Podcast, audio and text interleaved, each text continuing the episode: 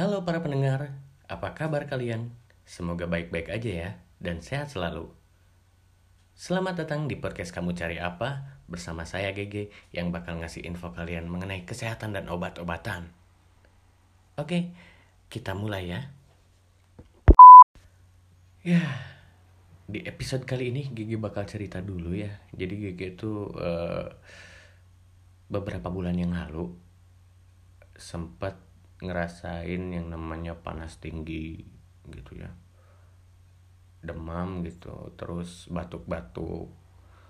Dan GG tuh agak parno karena kan memang lagi pandemi ya gitu takut takut positif covid gitu. Jadi karena mikir seperti itu GG akhirnya mengambil tindakan buat diri GG sendiri gitu. Jadi akhirnya GG uh, eh, minta ke uh, saudara dibeliin imun booster vitamin C dan suplemen vitamin lainnya gitu. Buat uh, membangkitkan imun tubuh barangkali memang uh, lagi kondisi imun tubuhnya lagi down karena ini kan musim pancaroba gitu ya. Nah uh, alhamdulillah dua hari setelah mengkonsumsi suplemen dan vitamin uh, kondisi GG itu membaik gitu. Nah, yang GG lakuin itu namanya suami dikasih teman-teman. Suami dikasih itu uh, tindakan mengobati diri sendiri. Atau kalau menurut WHO itu suami dikasih itu sebagai pemilihan dan penggunaan obat modern, herbal maupun obat tradisional oleh seorang individu untuk mengatasi penyakit atau gejala penyakit. Nah, karena gigi tadi itu kan ya udah ada kayak gejala batuk gitu, demam. Makanya GG uh, akhirnya beli uh, imun booster, suplemen vitamin gitu ya, vitamin C. Nah, akhirnya sembuh lagi GG itu yang namanya suami dikasih. Nah, jadi uh, di episode kali ini Gigi bakal bakalan nyeritain tentang suami dikasih deh. Jadi secara definisi ya memang suami dikasih itu uh, mengobati dirinya sendiri gitu ya, mengobati diri sendiri. Tapi uh, suami dikasih itu perlu yang namanya edukasi. Kayak contohnya apa aja sih suami dikasih itu yang kayak gimana aja. Nah, Gigi kasih tahu contoh suami dikasih itu salah satunya tadi kayak yang Gigi ceritain. Atau misalkan uh, kalian sakit gigi itu ya terus kalian minum mungkin uh, paracetamol atau asam asme asa, asamefenamat gitu ya. Atau kalian masuk angin terus kalian minum tolak anjing gitu ya uh, obat herbal terstandar itu yang minumnya cuma orang pinter gitu ya kemudian Uh, mungkin kalian sakit kepala atau sedikit demam, kalian langsung minum paracetamol atau kalian ketika diare kalian beli obat mampet biar biar nggak ngocor terus kan ya gitu. Nah itu salah satu uh, atau beberapa contoh uh, suami dikasih. Nah suami dikasih ini sebetulnya adalah uh, kan tindakan yang dilakukan atas inisiatif sendiri gitu ya untuk diri sendiri. Nah suami dikasih ini uh, sebetulnya harus ada yang namanya uh, klasifikasi atau kondisi di mana uh, seseorang itu boleh gitu masih boleh uh, suami dikasih. Nah suami dikasih itu diperbolehkan ketika obat-obatan yang dia konsumsi itu bukan obat-obatan keras bukan obat yang berlambang K gitu ya. Kan ada obat-obatan yang uh, punya lambang K. Nah itu artinya obat keras. Atau mungkinan uh, kalian mengkonsumsi obat narkotika itu nggak boleh lah ya. Itu bukan suami dikasih namanya. Itu itu kalian tripping namanya. Nggak boleh itu ya Uh, terus uh, kondisi yang memperbolehkan kalian untuk suami dikasih adalah ketika kalian yang pertama kalian harus tahu dulu uh, yang namanya uh, kondisi kesehatan kalian gitu ya. Ketika mungkin kalian mempunyai riwayat uh, penyakit gitu kayak asma atau mah atau mungkin vertigo gitu ya kalian uh, dan kalian tahu obat-obatan apa yang harus dikonsumsi oleh kalian ketika eh, gejala-gejala uh, tersebut muncul. Nah, suami dikasih ini sebenarnya salah satu kayak apa ya? Uh, tanda atau uh, suatu indikasi bahwa sebenarnya uh, masyarakat kita itu sudah berkembang gitu ya pemikirannya mengenai kondisi kesehatannya gitu. Kenapa? Karena ya nggak jarang yang namanya orang ketika sakit gitu ya ya udah mending uh, makan obat aja deh dari, daripada ke dokter gitu ya.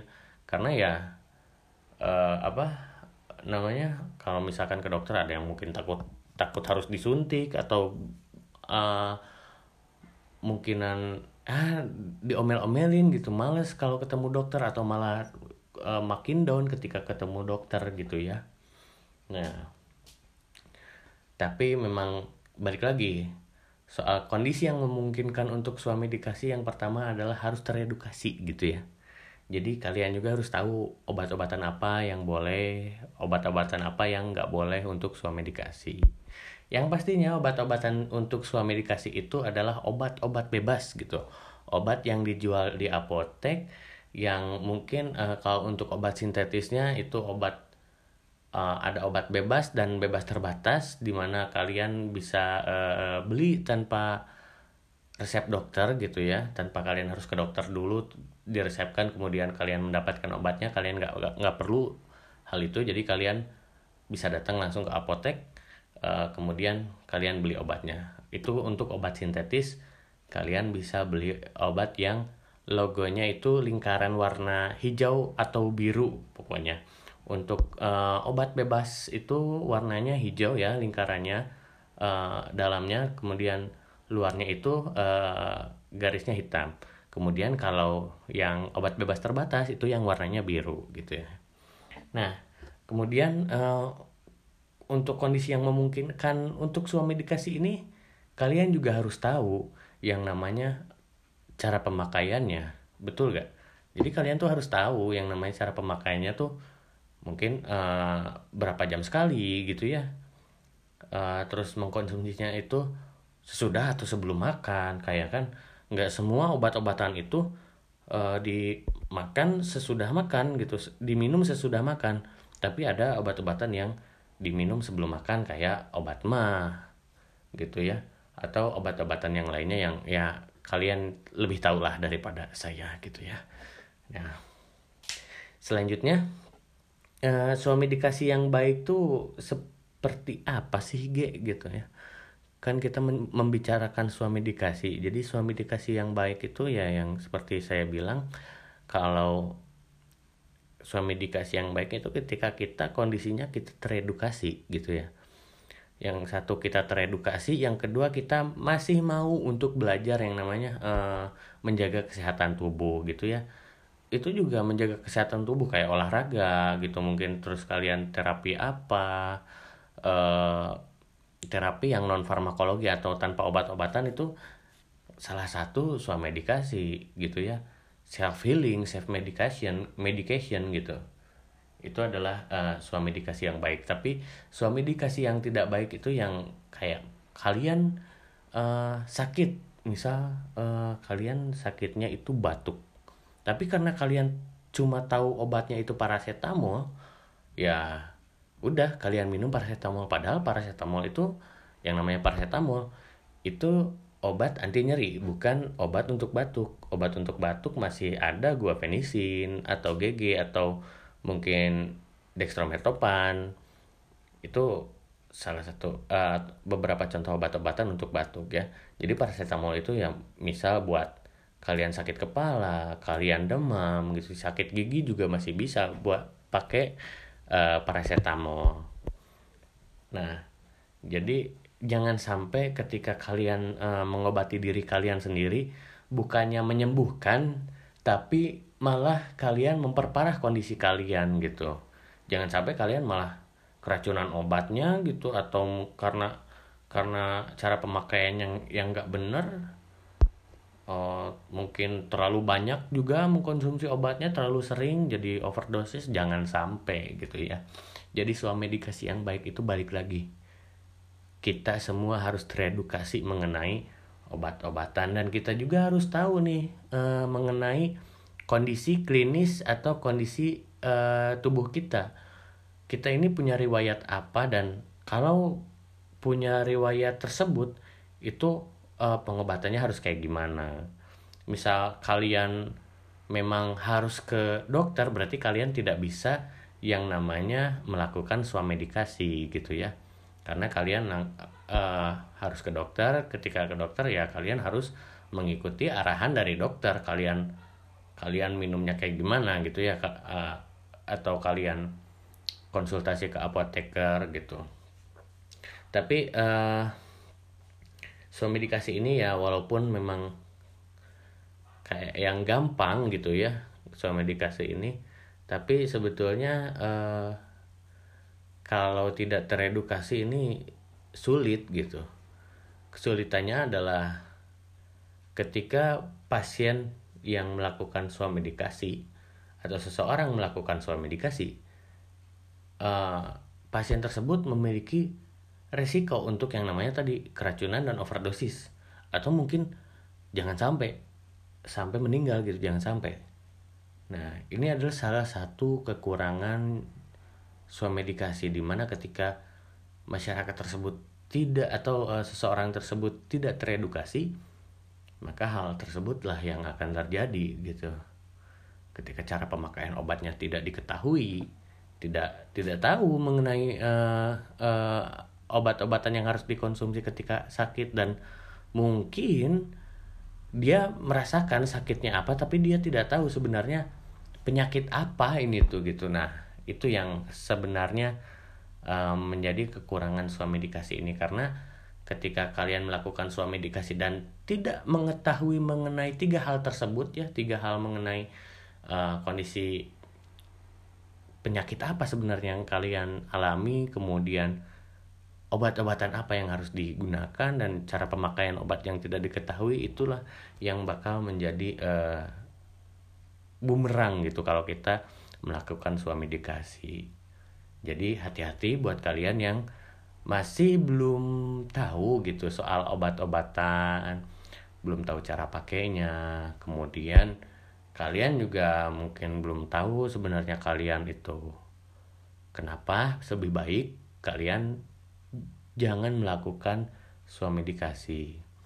Walaupun begitu, memang suami dikasih ini kelebihannya adalah uh, yang pertama hemat di ongkos ya. Jadi kalian nggak perlu yang namanya ke dokter atau ke rumah sakit atau juga klinik gitu. Ketika kalian tahu obat-obatannya dan gejala yang kalian rasain itu penyakitnya itu karena apa gitu. Nah, yang pertama itu, yang kedua kalian itu sebenarnya uh, membantu tenaga medis yang ada di rumah sakit, klinik maupun puskesmas uh, dengan cara tidak menambah pasien uh, ke dalam uh, pekerjaan mereka gitu. Ketika kalian sakit terus kalian ke puskesmas kan sebenarnya salah satu beban juga bagi tenaga kesehatan di mana misalkan sekarang gitu ya kali uh, kita kondisi lagi pandemi kalau dikit-dikit kita ke uh, rumah sakit atau ke dokter atau ke puskesmas dan juga klinik gitu ya.